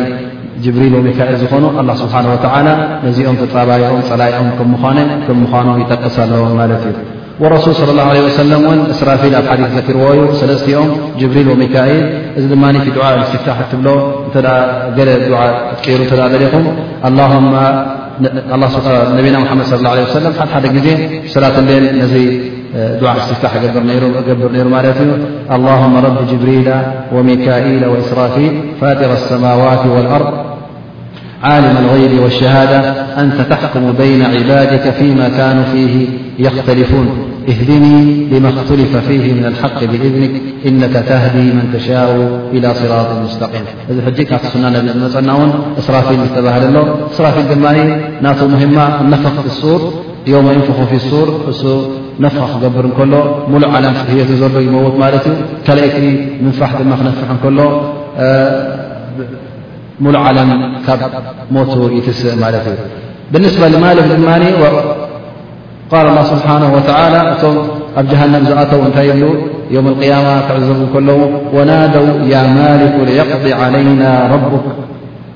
قال إنكم ماكثون م حجي كك خزن جهنم يا مالك ليقض علينا ربك الله سبحانه وتعالى حت الناس م كمثنى قال إنكم ماكثون كنت لخ م تنب يبلم ي جن عزرائيل جبلى ملك الموت ما ورد لا في الكتاب ولا في السنة صحيحة عزرائيل بلسم يلن مالت እቲ ዝመፀ ኣብ ክታብ ኣላ ስብሓን ወተላ መለክ ልመውት ቁል የተወፋኩም መለክ ልመውት ለذ ውኪላ ብኩም ግን እዝራኤል ትብል ምናልባሽ ካብቲ እስራኤልያት ዝመፀ ክኸውን ይኽእል እዩ ወይ ከዓ ሰብ ብገለገለ ዝለመዶ ክኸውን ይኽእል እዩ ግን እዝራኤል ዝተባህለ ስም የለን ማለት እዩ ናይ መላእካ ስለዚ ናይ ግድን ኣይኮነን በዚ ንክትኣምን ያኒ እዝራኤል ዝበሃል መላእካ ኣሎ ክትብልሲ ወይ ከዓ ብዚ ቃል እዚ ንክትኣምን ካብቲ ናይ እስልምና እምነት ኣይኮነን ላኪን ትእሚን ኣን ፊ ጅብሪል በዚ ስም እዚ መላእካ ከም ዘሎ ጅብሪል ከም ዘሎ ከም ዝበሃል ሚካኤል ከም ዘለዎ እስራፊል ከም ዘለዎ ማሊክ ከም ዘሎ እዚኦም ትኣምነሎም ኣለካ ማለት እዩ ከምኡ ውን ርድዋን ገለገለ ሓዲስ ኣሎ ማለት እዩ ሙንከር ወነኪር እውን ኣብ ገለገለ ሓዲስ ተጠቒሱ ማለት እዩ ግን እቲ ናይዚ ሓዲስ እዚ እውን እቲ ሰነድናት ብርቱዕ ኣይኮነን ግን ኣሎ ማለት እዩ ገለገለ ሓዲስ ነንሕዱ ተኣሳሰረ ኣዳርጋ ኣብ ሓዲስ ሳሒ ዝበፅሕ ኣሎ ማለት እዩ ገለገለ ዕለማ ድማ ወይ ከዓ ረቂብ ዓፊ ዝበሃሉ እውን ኣለዎ ይበሃል ዝኸውን ምክንያቱ ድማ ካበይ ተበጊሶም እዮም ማ የልፍظ ምን قውል إላ ለደይህ ረቂቡ ዓቲድ ገለ ዕለማ ስም ናይቶም መላእካ ወሲድዎ እዚ ድማ ቕኑዕ ኣይኮነን ረቂቡ ዓቲድ ማለት እዚ ሲፋ ናቶም መግለፂ ናቶም ዩ ዳኣ እምበር ስም ናቶም ኣይኮነን ማለት እዩ ስለዚ ረቂብ ዝበሃል መለት ሽም ናቱ ወይ ከዓ ረቂብ ዝበሃል ሽም ኣለዎ ንሓደ መላእካ ክትብል ኣይትኽእል ኢኻ ውን ዓቲዱን ክትብል ኣይትኽእልን ኢኻ ማለት እዩ ግን ብሓቂ ረቂብ ንወዲ ሰብ ዝጽፍሉ እውን መላእካ ከም ዘለዉ ሓደ ብየማን ሓደ ብጸጋም ኸይር ይኹን ሸር ይኹን ትጽፉ ከም ዘለዉ ተኣምን ኢኻ እሶም ሕጂ ልክዕ ሩቀባ ዓለይሂ እቲ ናቱ ድማ ዘየሕልፉ ገጹ ዝጽፉ ኣለዉ ግን ረቂብ ዓቲ ስሞም ክትብል የብልካን ማለት እዩ ግን መላእካ ከ እተ ከምዚ ኮይኖም ፍጡራት እዮም እተ ልና ሃ ይሞቱ ድዮም ኣይሞቱን መዓስ እዮም ከ ዝሞቱ ሕጂ ከማና ይሞቱ ኣለዉ ድዮም ሲ ወይስ ገና ኣይሞቱን እዮም ላ ስብሓን ወተላ የል ኩሉ ሸይ ሃሊኩ ኢላ ወጅ እዚ ሕጂ ሓፈሻዊ ውሳኔ ማለት እዩ ዝኾነ ይኹን ፍጡር ይመውት ምኳኑ ስለዚ እንታይ ንርዳእ መላእካ ይሞቱ ምዃኖም ማለት እዩ ግን ሕጂ ይሞቱ ከም ዘለዉ ደሊል የብልናን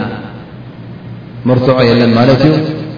ማለት ከም ናህና ልክ ዕድሚኡ ኣኪሉ ዕድሚ ዝመውት ካልእ ሓድሽ ይፍጠር እዚታት መርትዖ የብልናን ግን ከም ዝሞቱ ንኣምን ማለት እዩ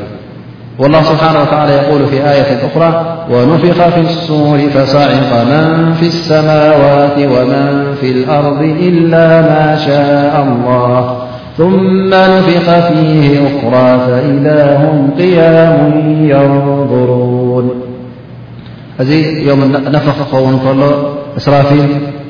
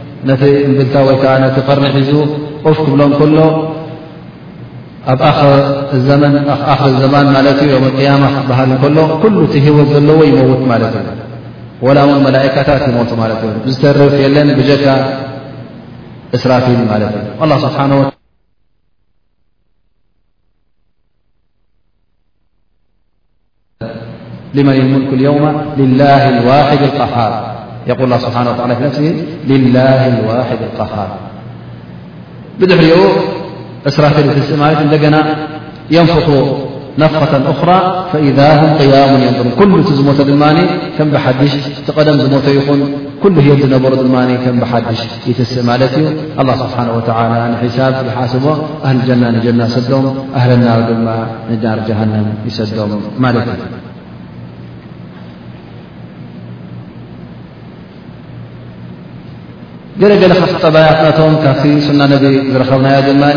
መላእካታት ድማ ሓያ ከም ዘለዎም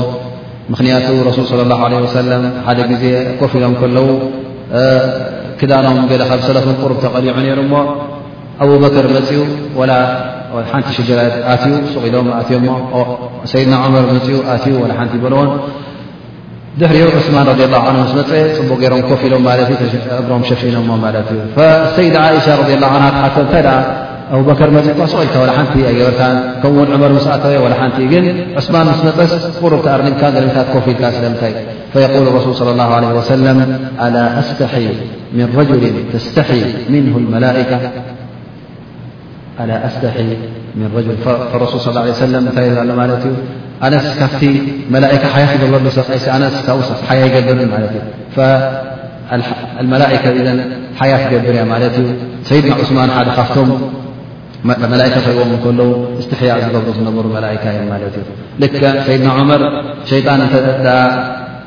ሰይድና ዑመር ዝሓዞ መንገዲ ሎ ኮይኑ ተ ሸጣን ንስም ተጓኒፎም ሸጣን መንገዲ ገዲፉ ኮይኑ ሩ ማለት እዩ ብፍርሃት ዝኣክል ሰይድና ዑስማን ድማ ናቶም ሚዛ ነራቶም እዚኣ ድማ መላእካ ተስተሒ ሩ ካነት መላእካ ተስተሒ ሓያ ክገብር ነራ ማለት እዩ ካብ ሰይድና ዑስማን ረ ላ ን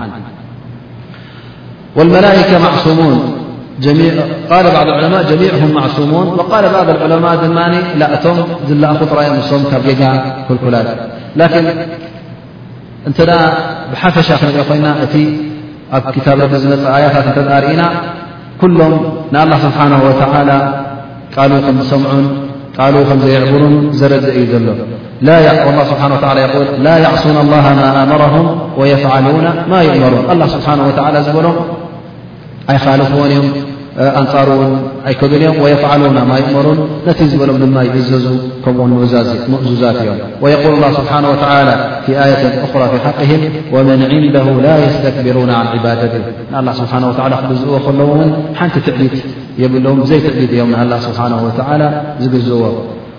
ከምኡ ውን ኣብ ካልእ ኣያ ክብል ኣላ ስብሓን ወተላ የቁል ላ የስቢቁነሁ ብልቀውሊ ወሁም ብኣምርሂ ያዕመሉን ኣይ ኣልመላእካ ስለዚ ንኣላ ስብሓን ወተላ እውን ርእቶ ኣለና ገለ ኣለና ኢሎም እውን ርእቶኦም ኣይህብዎን እዮም እንታይ ደኣ ቃል ናቱ እዩ ኩሉ ግዜ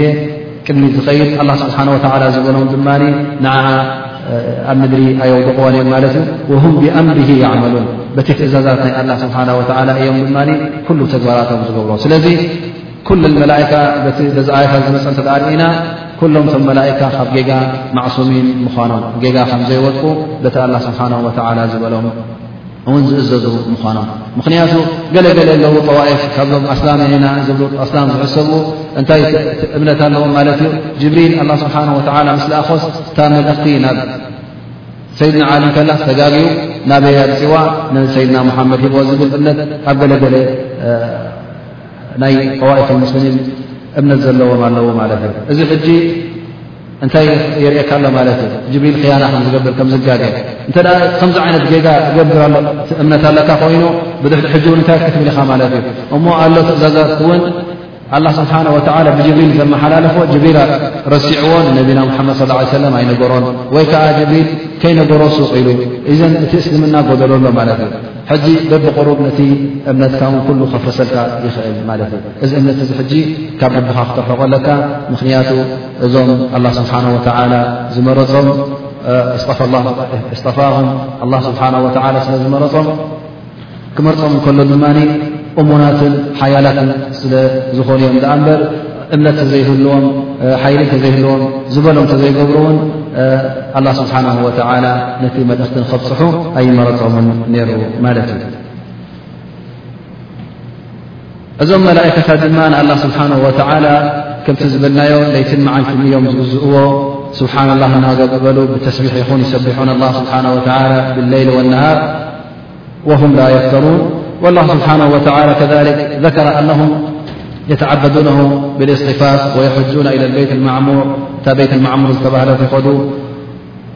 كمون الله سبحانه وتعالى عبي فرهت الዎم وهم من خشيته مشفقون أي الملائكة كفت ي فره ي الله سبحانه وتعلى برتع فرهت الዎم بل كم و كفت أجززأنم الله سبحانه وتعلى زم كلن بسجود بز بركوع ب بقيام بو دن كمت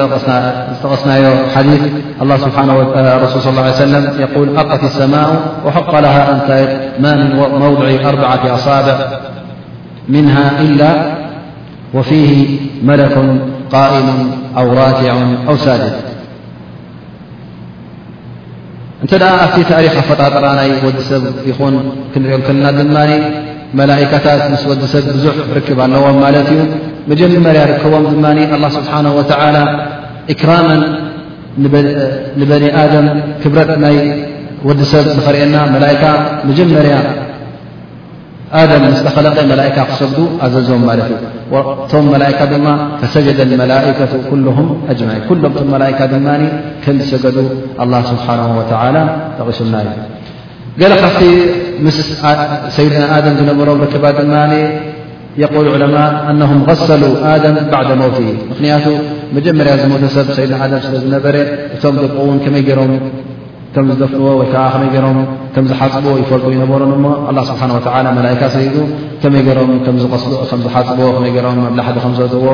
እዚ ስና እዚ ድማ ኣብ ወለዶም ክኸይድ ከም ዘለዎ ኣርእሞም ማለት እዩ ከምኡ እውን ኣብ ግዜ ረሱል ስለ ላ ለ ወሰለም እውን ብኢድ መላይካ ዝተሓፀበ ኣሎ ማለት እዩ እሱ ድማ ሓንዛላ እብን ኣብዪ ዓምር ኣብ غዝወት ሑድ ኣብ ኩናት ሑድ ብሸሃዳ ክመውት እንከሎ እሱ ድማ ጀናባ ስለ ዝነበሮ ከይተሓፀበ ስለ ዝመፀ እቶም ኣላ ስብሓን ወተላ ነዚ ሸሂድ እዚ ንኸኽብር ኢሉ መላእካ ሰሊዱ ብኢድ መላእካ ከም ዝሕፀብ ገይርዎ ማለት እዩ ከምኡውን ካብቲ ርክባቶም ምሳና ዘሎ መላእካታት ብወዲ ሰብ ውኩላት እዮም ማለት ገና ኣብ ከብድድኡ ከሎ ገና ኑጥፋ ከሎ ወይ ከዓ ዓላቓ ከሎ እከታተልዎ እዮም ማለት እዩ ወላ ስብሓን ወተላ ውን መለት ይሰድድ እዚ መለት እዚ እውን ኣርባዕተ ነገራት ይፅሕፍ እንታይ ስራሕ ትሰርሕ ከም ምኳንካ ኣብዛ ኣዱንያ ኩሉ ስራሕካ ከምኡ ውን እንታይ ርዝቂ ከም ዘለካ ካብቶም ሰዒዲን ዲኻ ወይ ከዓ ካብቶም ዮም ቅያማ ዝድሰቱ ዲኻ ወይ ከዓ ካብቶም ቅርሱሳት ዲኻ ብድሕሪኡ ድማ እቲ ሩሕ ይነፍኩልካ ማለት እዩ ትንፋስ ናይ ኣላ ስብሓን ወተላ ትንፋስ ክበካ ከሎ በቶም መላእካ ሰዲዱ እዩ ዝበካ ማለት እዩ ከምኡ ውን ካብቲ ምስ ወዲ ሰብ ርክብ ዘለዎም ድማ ኣይ ኣነም የሕፈظነ ማለት ይሕልዎ እዮም መላእካ ንደቂ ሰብ ይሕልዎ እዮም ኣን ላ ስብሓን ወ የል ለ ሙዓቂባት ምን በይን የደይ ወምን ኸልፊ የሕፈظነ ምን ኣምር ላህ ማለት ኣላ ስብሓን ወተዓላ ንዝኾነ ወዲ ሰብ መላእካ ገይሩሉ ዩ እዞም መላእካ እዚኦም ይሕልዎም ማለት እዩ እታ ኣጀል እንተመፅኣ ኣላ ዝኸተባ ነገር ክትመፅእ ከላ ግን ሸዓዓ ይላቐቐዎ ማለት እዩ እታ ናቱ ዕምሪ ክትወዳእ እንከላ ማለት እዩ ከምኡ ውን ኣላ ስብሓን ወተዓላ ምስ ወዲ ሰብ ሓደ መለእ ከምኡውን ሓደ ጅን ወኪሉ እዩ እቲ ሓደ መላእካ ኩሉ ግዜ ንኸር ይመርሓካ ማለት እዩ እቲ ሓደ እቲ ድማ ሸይጣን ድማ መገዲ ፀጋም ንእከይ ይመርሓካ ማለት እዩ የቁል ረሱ ስ ሰለም ማ ምንኩም ምን ኣሓድ ኢላ ወቀድ ውኪላ ብሂ ቀሪንሁ ምና ልጅል ወቀሪንሁ ምና ልመላእካ ክልተ ምሳኻ ዝፃረኑ ኣለዉ ሓደ ካብቶም ጋኒን እዩ ሓደ ድማ ካብቶም መላእካ እቲ መላእካ ኩሉ ግዜ ንመገዲ ር መገዲ ሰናይ ይደፍኣካ እቲ ጋኒን ድማ ሸይጣን ስለ ዝኾነ ኩሉ ግዜ ድማ ንመገዲ እከይ ይደፍኣካ ማለት እዩ سؤال يا أخوان هل كل من جاءه ملك يعتبر نبي أو رسول ياخوان ملائك رسول لس نبي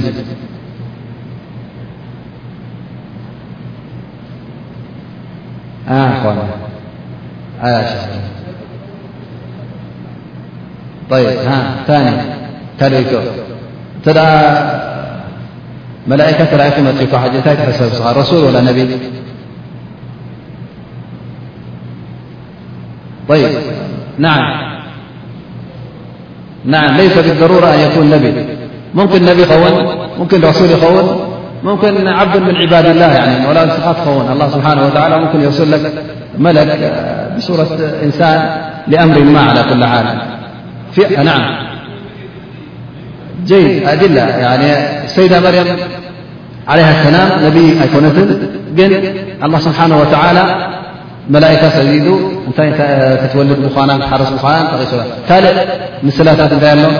ا ق ملت بن بنها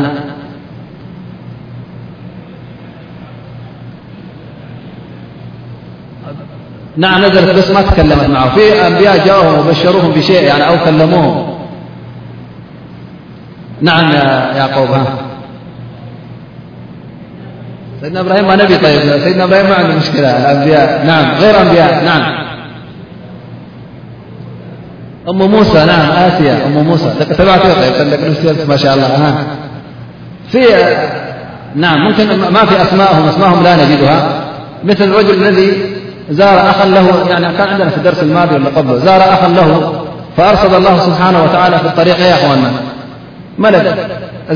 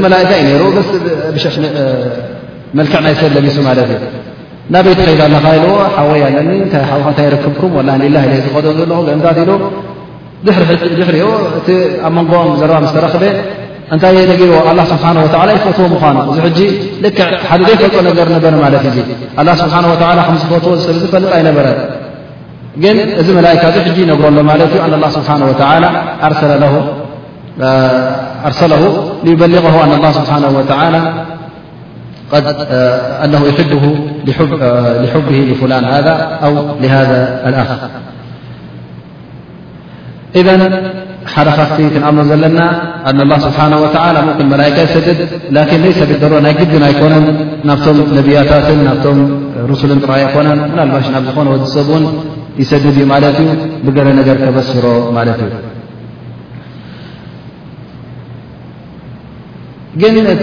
ቅድሚ ሕጂ እውን ዝበልዎ ማለት እዮም ቶም ሙሽርኪ ኣብ ግዜ ነቢና ሙሓመድ ለ ላ ለ ወሰለም እንተ እዚኦም ክምዚ ዝኣኽሉ መላይን ዝቕፀሩ መላእካታት ኣለዉ ኮይኖም ስለምንታይ ኣላ ስብሓን ወተዓላ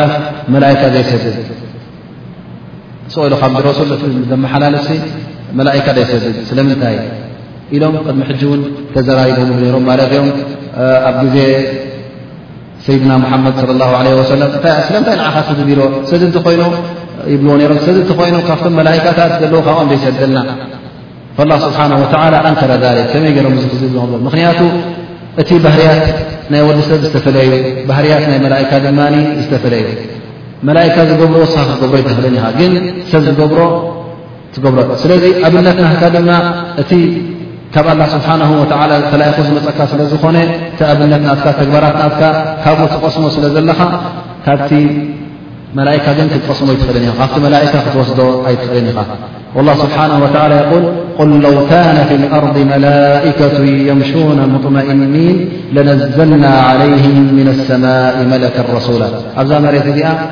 መላካ ተትዘነብሩ እዞም ሰብ እዚኦም ኣብ ክንዲ ሰብ ደቂ ሰብ መላካ ተትኾኑ ኣላ ስብሓን ወተላ ልክዕ ንኦም ዝመስል መላካ መውረደሎም ነይሩ መገዲ ሓቂ ንኸርእዮም ግን ኣብ መሬት ዘለዉ መላካ ይኮኑ ሰብ እዮም ስለዚ ልክዕ ነቲ ናቶም ምስ ባህርያቶም ዝሰማማዕ ናቱ ጠቢዓ ናቶም ጠቢዓ ዝፈልጥ ወዲ ሰብ ኢና ንሰደሎም ዳኣ እምበር ካልእ ካብ ካልእ ዓለም ኣምፅና ካልእ ባህርያት ዘለዎ ፍጡር እንተ ሰይድና ኣሎም ምስኦም ክሰማማዕ ስለ ዘይክእል ስለዚ ኣላ ስብሓን ወተላ ድማ እዚ ነገር እዚ ራሕመተን ብናስ ርህራሀ ስለ ዘለዎ ክእለት ናይ ወዲ ሰብ ስለ ዝፈልጥ ነቶም ደቂ ሰባት ወዲ ሰብ ሓደ ካብም ረሱል ሰይድሎም ማለት እዩ እዚ ሕጂ ብሓፈሽኡ ኣብ መንጎ ደቂ ሰብን ኣብ መንጎ መላይካን ዘሎ እዩ ግን እቶም ሙእምኒን ድማ ዝተፈለየ ርክብ ኣለዎም ማለት እዩ ዝተፈለየ ርክብ ኣለዎም ምስቶም ሙእምኒን ቀዳማይ ነገር ካብ ወዲ ሰብ ዝፅበይዎ ዋጅብ ኣሎ ማለት እዩ እስኻ ናይ ግድን እንተ ካብ ነዞም ነቢያ ኣንብያ ሓድ ቀዳማይ ነገር ክትኣዝዮም የብልካን ክትጎድኦም የብልካን ማለት እዩ ከመይ ገረ ጎድኦም ትብል ትርኣ ኮንካ ኣወለን ብፀርፊ ይኹን ብሕማቕ ዘረባ ክትጠቕሶም የብልካን ማለት እዩ ወየቁል ዑለማ እንተ ሓደ ሰብ ንጅብሪል ወይ ንምካኤል ነቶም ብቁርን ብሱና ዝተጠቕሱ ብኣስማቶም ንኦም ክፀርፍ እተ ተሰሚዑ ወይ ከዓ ጅምለተን መላካ ንመላካ ኩሎም ብሕማቕ ዘረባ ክጠቕሶም ወይ ከዓ ክፀርፎም ክኣ ተሰሚዑ እዚ ሰብ እዙ ይቕተል ዝብሎ ወይሕከም ዓለይ ብልክፍር ምኽንያቱ ኣላ ስብሓን ወተላ ክንእዶምን በዓል ሰናይ ተግባር ከም ዝገብሩን እዚ ኩሉ እናጠቐሰ ከሎ እዚ ሰብ እዚ እንተ ከናሽዎም ሰብከዮም ሕማቓትዮም ክብል እተ ተረኪቡ ምክንያት እንታይ ይገብር ኣሎ ማለት እዩ በቲ ኣብ ክታብ ዝመፀ በቲ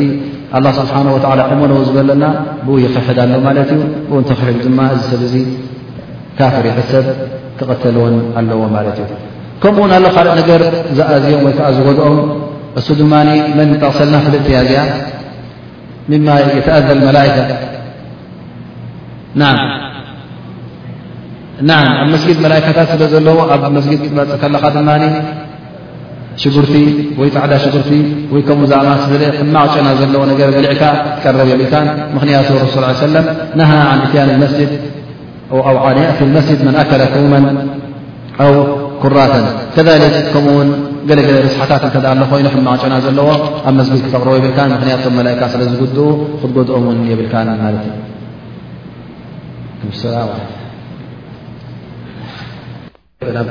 ዘረባና ንመለስ እንሻላ እዛ ተሪፋ ዘላ ኣሕተራ ሕተራ ብና ንጠቕሳ ኢና እንሻ ዘዘን ሕቶታት ዘለዋ ተኸእልና ንክብሎ እንተዘየሎ ድማ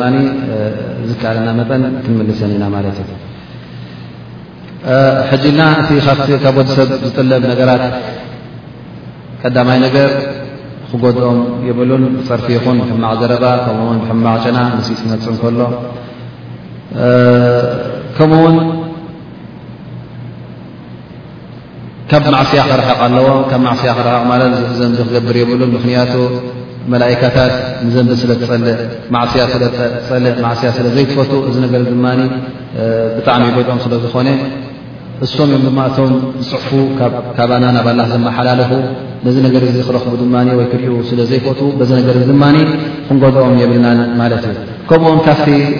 ንዕኦም ኣዝያ ዝሕሰብ ድማ ነቢና ሙሓመድ صለ ላه ለ ወሰለም ነሃ ዓን ልቡሳቅ ኣትናእ ሰላት ዓልየሚን ንኣብነት እንተ ከምዚ ሎም ከይተፈረሸ ከሎ ወይ ከዓ ኣብ ሓመድ ገለ ትሰግድ እተ ኣለኻ ኮይንካ እናሰገድካ ከለኻ ምናልባሽ ተ ጥፍጣፍ መፅእ እኳ ይብሉ ንቕድሚት ጡፍ ክትብል የብልካን ምክንያቱ ንኣላ ስብሓን ወተላ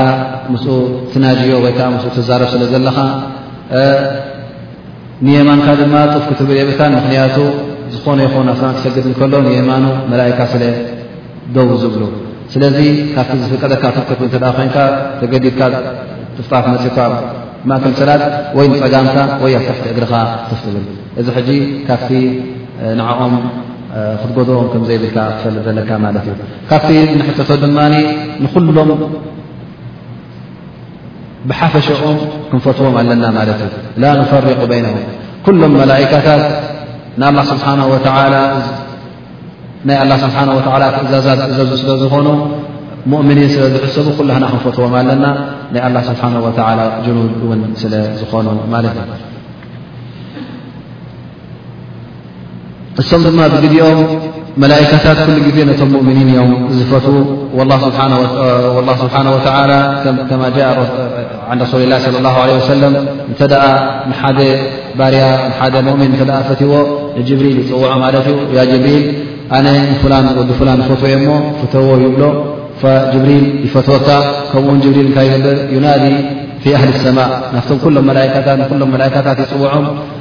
እነ ላ ስብሓን ወተላ ኣላ ስብሓን ወተላ ንክስቶ ወዲ ክስቶ ይፈትዎ እዩሞ ኩለኹም ፍተዎ ይብሎም ኩሎም ድማ ይፈትውኻ ማለት እዩ ስለዚ እሶም እውን በቲ ግልናቶም ነቶም ሙእምኒን ይፈትዎም እዮም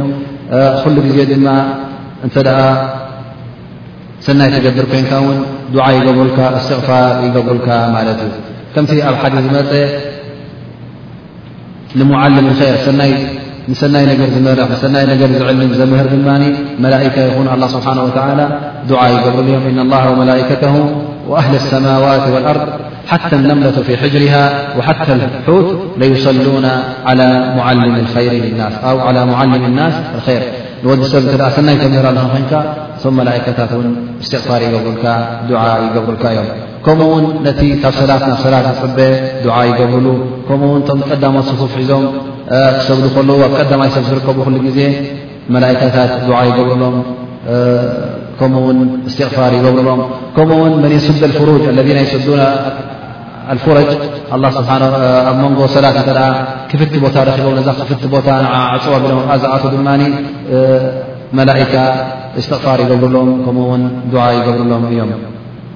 ከምኡ ውን ኣሽሑር ዝበለ ሰብ ሕጂ ኣሽሑር ነብሳ ኢኻ ትበልዖ ዘለኻ ላኪን ሊላ ስብሓ ወ ኢልካ ትበልዖ ስለ ዘለኻ ላ ስብሓ ወ ካብ ድቃስካ ስለ ትእስር ዘለኻ ሱና ናይ እስልምና ሱና ናይ ነቢ ሓመድ ለ ላ ለ ወሰለም ኣብ ግብሪ ተውዕድ ስለ ዘለኻ ድማ ነዚ ነገር ዝሰናይ ነገር ስለ ዝኾነ እና ላ ወመላከተ የቁል ረሱል ስ ሰለም እና ላ ወመላከተ ይሰሉና ዓላ ልሙተሰሕሪን ስሑር ዝበልዕ ሰብን ኣቶም መላእካ ድዓ ይገብሉ እዮም نبنا محمد صلى الله عليه وسلم صلاة عن وختقبر ل اللهم صل علنا محمدل دمن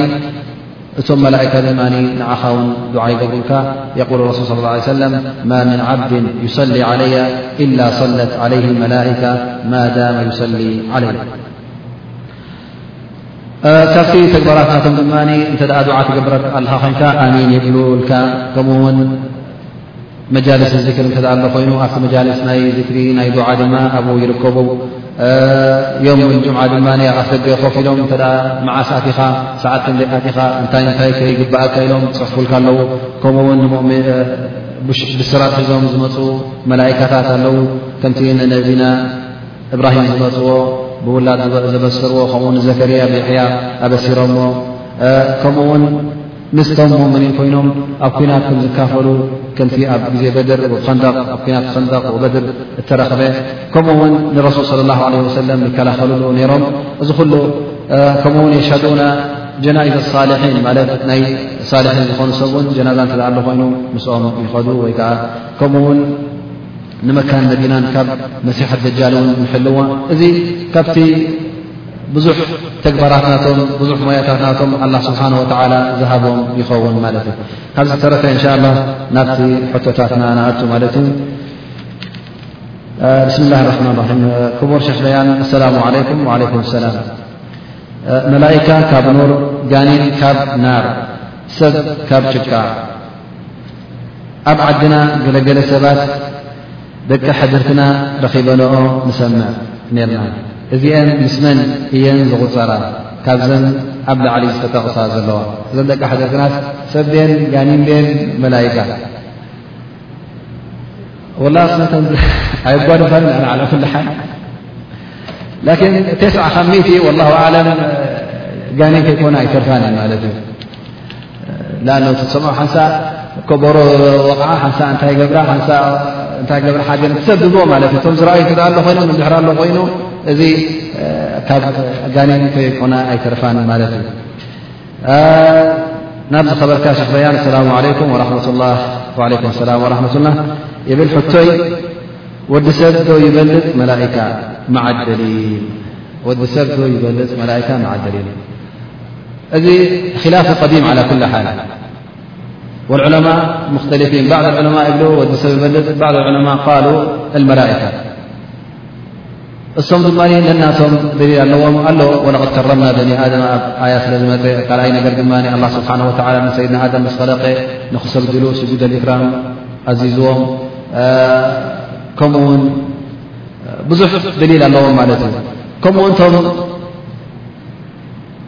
መላእካ ይመፁ ዝበሉ ድማ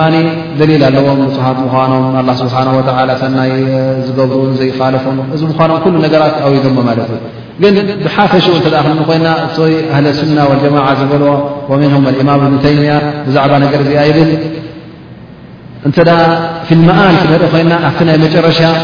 ኣብ ዮም ኣልቅያማ እቲ ሙእሚን ወሳልሕ እሱ ብሉፅ ይኸውን ካብቶም መላእካ እቲ ናይ መጨረሻ ማለት ምኽንያቱ ኣብ ዮም ኣልቅያማ ንጀና ይኣቱ ምስ ኣላ ስብሓን ወተዓላ ይራኸብ ኣላ ስብሓን ወተዓላ ድማ ሰናይ ይህቦ ሰናይ ይገብረሉ ኣብዚ ክል ኮይና እቶም ሳልሒን ይበፁ ግን በዚ ዘለናዮ ሰዓታት እንተ ክንርኢ ኮይና ፊ ወቅት ሓል ፊ ብዳያ እንተ ክንርኢ ኮይና እሶም ይበልፁ ካባና ሕጂ ምኽንያቱ ሕጂ እቶም መላእካታት ንኣላ ስብሓን ወተላ ዝካልፍ ነገር ዝሰር ኣይሰርሑን እዮም ሙንከር ኣይገብሩን እዮም ትእዛዛት ናይ ኣላ ስብሓን ወተላ ጥራይ እዮም ዝኽተሉ ስለዚ ኣብዚ ዘለናዮ ሰዓታት ኣብቲ ናይ መጀመርያ ፈጣጥራና ኣብዚ ናይ ኣዱንያ ተዳክሪኦ ኮይና ኣብ ሰዓት እዚ መላይካ ይበልፁ ምክንያቱ ወዲ ሰብ ንኣላ ስብሓን ወተላ እማ ብሪባ ይዋጎ ኣላ ስብሓን ወተላ ዝኣዘዞ ገዲፉ ሸይጣን ዝኣዘዞ ይኸይድ መዓት ሙንከራት ወላ እውን እቲ ኣስላማይ ዝበሃል መዓት ሙንከራት እናገበረ ዩ ዝኸይድ ዘሎ ግን ኣብ ዮም ኣልቅያማ በቲ ኣላ ስብሓን ወተላ ዝህቦ ብልፀት እሱ ይበልፅ ይብሉ ማለት እዩ ፈታ ነገር ክልተ ወቺ ገይረሙላ ማለት እዩ ካልይ ሕቶ መላእካ ይሞቱ ዶ ኣይሞቱን ተመይቶም ኣበይ ይኽበሩ እዚኣ ጠቂስናይ ኣይና ሕጂ ይሞቱን ኣይሞቱን ሕጂ ደሊል የብልናን ግን ኣብ ዮም ቅያማ ነፍኽ ብሱር ክግበር እንከሎ ከም ዝሞቱ ደሊል ኣለና ማለት እዩ መላእካ ኣብ ማሕሸር ከም ወዲ ሰብ ደው ኢሎም ይሕሰቡ ዶ ኣይሕሰቡን ወላ ከም ዝሕሰቡ ዓላ ኩሉ ሓል ደሊል የለን ላኪን ዮም ዶ እነኹ እቲ ስርሖም ይቕፅል ማለት እዩ ምኽንያቱ ሶም ልካ እቲ ኣላ ስብሓን ወተዓላ ዝኣዘዞም ጥራይ እዮም ዝእዘዙ ስለ ዝኾኑ ማለት እዩ ኣ ካብቲ ትእዛዝ ኣላ ስለ ዘይወፁ እቲ ዝሕሰብሉ ነገር የለን ማለት እዩ መላእካ ኣገባብ ዕባዳ ናቶም ከመይ እዩ ማለት ምፃም ምስጋድ ኣለዎም ዶ ወይ ካልእ ከምቲ ዝጠቐስናዮ ተስቢሕ ኣለዎም ሰቢሖነ ለይላ ወነሃራ የፍትሩን ኢልና ጠቂስና ከምኡ ውን ሰጁ ምኖም ይረክዑ ምኳኖም ቅያም ትስኡ ምኳኖም ጠቂስና ማለት እዩ ኩሉ ዕባዳታት ኣለዎም ማለት እዩ ግን ከምዚ ናና ውሱን መዓልቲ ኣለዎ ውሱን መዓልቲ የብሉን ማለት ሕና ሮሞዳን ኣለና እሶም ከ ሮሞዳን ኣለዎም ዶ ይብሎም ብንስባ ንፆም ምክንያት ሶም ኣይበልዑ ሰትዩ ስለ ዝብልናዮም ናይ ፆም ወፅእ ማለት እዩ ግን ተስቢሕ ከም ዘለዎም ስጁድ ከም ዘለዎም ንኣላ ስብሓን ወላ ከምዝውድሱን ንኣ ስብሓ ወላ ብሰናይ ከምዝጠቕሱን እዚ ኩሉ ጠቒስናዮ ኢና ማለት እዩ ክቡር ሓውና ዶክተር በያን ኣሰላሙ ዓለይኩም ወረሕመቱላ ዓለይኩም ሰላም ወረሕመቱላ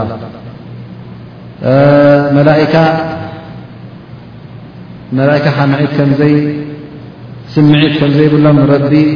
ከምዘይ ብድሉ ክብረት ከም ዘለዎም ፈሊጥና ስለዚ ብኦም ጌርና ናብ ረቢ ተመለሱና ተእሸት ናብ ረቢ ተወሱል ማለት ተወሱል ክንገብር ይፍቀድዶ ጀዛኩም ላሁ ኸይራ ናብ ረቢ ተወሱል ክትገብር እተ ኮይንካ በቲ ሰናይ ተግባራት ናትካ ግበር እሶም እተ ሰብ ሰናይ ኮይኖም ንነብሶም እዮም ኮይኖም ዘለዉ ስለዚ እስኻ በዚ ነገር እዚ ተወሱል ክትገብር ኣይፍቀድን እዩ ኣላ ስብሓን ወተላ እዎ ይፈትዎም እዩ ነቢና ሙሓመድ ለ ላ ሰለ እውን ይፈትዎ እዩ ስለዚ ናብ ብነቢ ይኹን ወላ ብመላእካ ተወሱል ክትገብር ኣይፍቀደካን እዩ እታ ተወሱል ክትግበር ከደ ኮይና ከምታ ዝበልናያ በታ ሳልሕ ንዓማል ብኣ ተወሱል ክትገብር ይፍቀደካ እዩ ሕቶ ብስሚላህ ሕቶ እቶም ሓለውቲ ናይ ደቂ ሰብ ዝበልናዮም መላኢካ ንኩፋር ከይተረፉ ኣለዎም ድዮም እወ ምክንያቱ እቶም ዝፅሑፉ ኣለዉ እቶም ሓለውቲ ድማ ኣለዎ እኦም ዝሕልዎ ካብ ምንታይ እዮም ካብ ዝኾነ ሓደጋ ቅድሚ መዓልቱ ዝመፁ ሓደጋ እተ ኣሎ ኮይኑ ካብዚ ሓደጋ እዚ ይሕልዎ ማለት እዩ ኣላ ስብሓና ወላ ዘይከተባ ነገር እተ ኣላ ኮይኑ ንዓ ንኸይትቐርቦ ንዓ ድማ ይከላኸልዎ ስለዚ እቲ ኩፋር እውን ኣላ ስብሓን ወላ መዓስ ከም ዝመውት ከም ዝሓምም ከም ዘይሓምም እንታይ ጉድኣት ከም ዝመፅ እታይ ጉድኣት ከም ዘይመፅ እታይ ብጥይት ክውጋእ ብጥይት ኣይኮነን ኩሉ ነገራት እዚ ፅሑፍ ስለ ዝኾነ እዚ ፅሑፍ እዚ ድማ እቶም መላይካታት እዮም ዝውከልሉ ማለት እዮም ሓላፍነት ንሰኦም ምስከሙ እቲ ናብ ክበፅሕ ዘይግባእ ይከላኸልሉ ማለት እዩ እታ መዓልቲ ምስ ኣኸለት እታ ፅሑፍቲ ምስ መፀት ድማ ካብኡ ይርሕቁ እታ ነገር ድማ ትተምም ማለት እዩ ንሞት ይኸይድ ሓደ ሰብ እንተ ኣስተሽሂዱ እተንኣስተሽሂዱ እተን ዝዳለወሉ ሽዱሽተ ነገራት እንተ ደገመልና ዳሕራይ ሱረት ሓያት ሰባ ሓደ ሓደ እዚኣ ከም ሕጂ ተባሂላ ነራ እንሻ ላ ንሕና ዘደለናዮ ኣርእስታት ስለ ዘሎ ማለት ኮፍ ኢልና ምስቶም በዚ ነገር እዚ በዚ ናይዚ ኣኼባና እንገብሮ ዘለና ገለገለ ዝመረፅናዮ ኣርስታት ኣለዉ ግን እንሻ ላ ኮፍ ኢልና ድማ እንደገና ኣርስታት ክንመርፅ ኢና ካብቲ መፅ ዘሎ እንሻ ላ ናይ ሲረት ሰሓባ ይኹን ናይ ሲረት ነቢ ለ ላ ለ ወሰለም ንዑ ድማ እንሻ ላ ኣብቲ ኣርእስታት ክነትዎ ኢና ማለት እዩ ሰላት ኣልፈጅር ብድቃስ ትሓልፍ ኩሉ ግዜ ይቐድያ ከመይ እንተ ገበርኩ ይሓይሽ እንታይ እዩኸ ዝሕሰብ እንተ ኹሉ ግዜ ተቐድያ እንተ ኾንካ እንተ ናይ ብሓቂ እስኻ ክእለትካ ብሰዓት ይኹን ብሰብ ይኹን ብዝኾነ ይኹን ንኸተስኡኻ እሞ ድቃስ ከቢዱካ ካብ ኢትካ ወፃኢ እተ ኮይኑ እዚ ዕዙር ኣለካ ማለት እዩ ዝደቀሰ ሰብ ኣላ ስብሓን ወተላ ወይ ካ ነቢና ሓመድ ለ ላ ለ ሰለም መርፉዕ ቀለም ምኳኑ ጠቂሶም እዮም ግን እንተ ኩሉ ግዜ እናፈለጥካ ተሕልፋ ኮይንካ ክትስእ እናክኣልካ ከለኻ ነታ ሰዓት ኣ ክንዲ ሕጂ ትገብራ ሰዓ ሽዱሽተ ትገብራ እተ ኮይንካ ወይ እውን ተገዲስካ ሰዓት ዘይትመልእ ተገዲስካ ውን ኣተስእኒ ዘይትብል እተ ኮይንካ እናፈለጥካ ተሕልፋ ኣለኻ ማለት እዩ እናፈለጥካ ተሕልፋ እተ ኣ ኮይንካ ድማ እዚ ሓደገኛ ይኸውን ማለት እዩ ተሃውን ብሰላት ይኸውን ማለት እዩ እታ ቀንዲ ኣብ እስልምና ርኹን እንትሕሰብ ብኣ ትላገፅ ኣለኻ ማለት እዩ ኣሰላሙ ዓለይኩም ወረሕመት ላ በረካቱ ዓለይኩም ሰላም ሕቶ ቆልዓ ምስ ተወለደ ኣብ ራብዓይ ወይ ሓሙሻይ ወርሒ ምስ ገበረ ብድቁሱ ብድቁሱ ይፃወት ፍሽኽ ይብል መላእካ ከዓ እዮም ዘፃውትዎ ዘለዉ ይብሉ ሓደ ሓደ ሰባት እዚ ሓቂ ድዩ ወላሂ ካብቲ ዘለኒ ፍልጠት ኣነ ዝረኸብክዎ ነገር የለን ስለዚ እዩ ኣይኮነን ክንብል ኣይንኸእል ኢና ፈውቀ ኩል ዚ ዕልሚ ዓሊም ካባና ዝፈልጥ ሰብ ከሎ ንሓትት ላኪን ክሳብ ሕጂ ዝረኸብናዮ የለን መላእካ የፃውትዎን ኣየፃውትዎን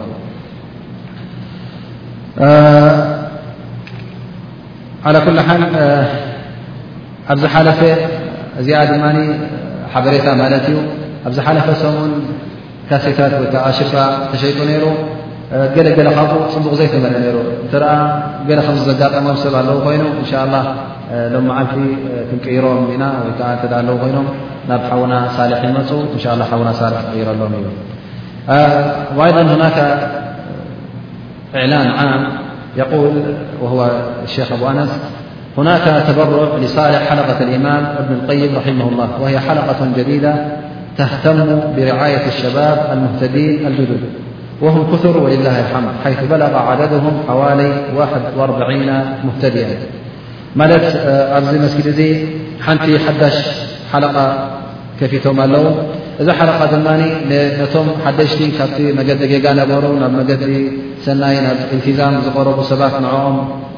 ዝቆመት እያ እሶም ከኣ ዳርጋ ኣርብዓን ሓደን በጺሖም ኣለዉ ነዞም ሰብ እዚኦም ድማ ንዕኦም ዘተባብዕ ኩሉ ግዜ ናይ ቁርን ምቕራእ ኮይኑ ናይ ሪሕላ ኮይኑ ገለገለ ከዓ ንጥፈታት ኮይኑ ኣንሽጣ ክገብረሎም ስለ ዝኾና ስለዚ ሎም መዓልቲ እንሻ ላ ድሪ ሰላት እቶም ሳንዱቕ ሒዞም ዝመፁ ተበርዕ ክትህቡልና ንዕድመኩም ይብሉ ማለት ኣቁሉ ቀውሊ ሃذ ኣስተغፊሩ ላ ሊ ወለኩም صለ ላه ላ ሰይድና ሙሓመድ ላ ሊ ወሳሕቢ ወሰለም ኣጅማዒን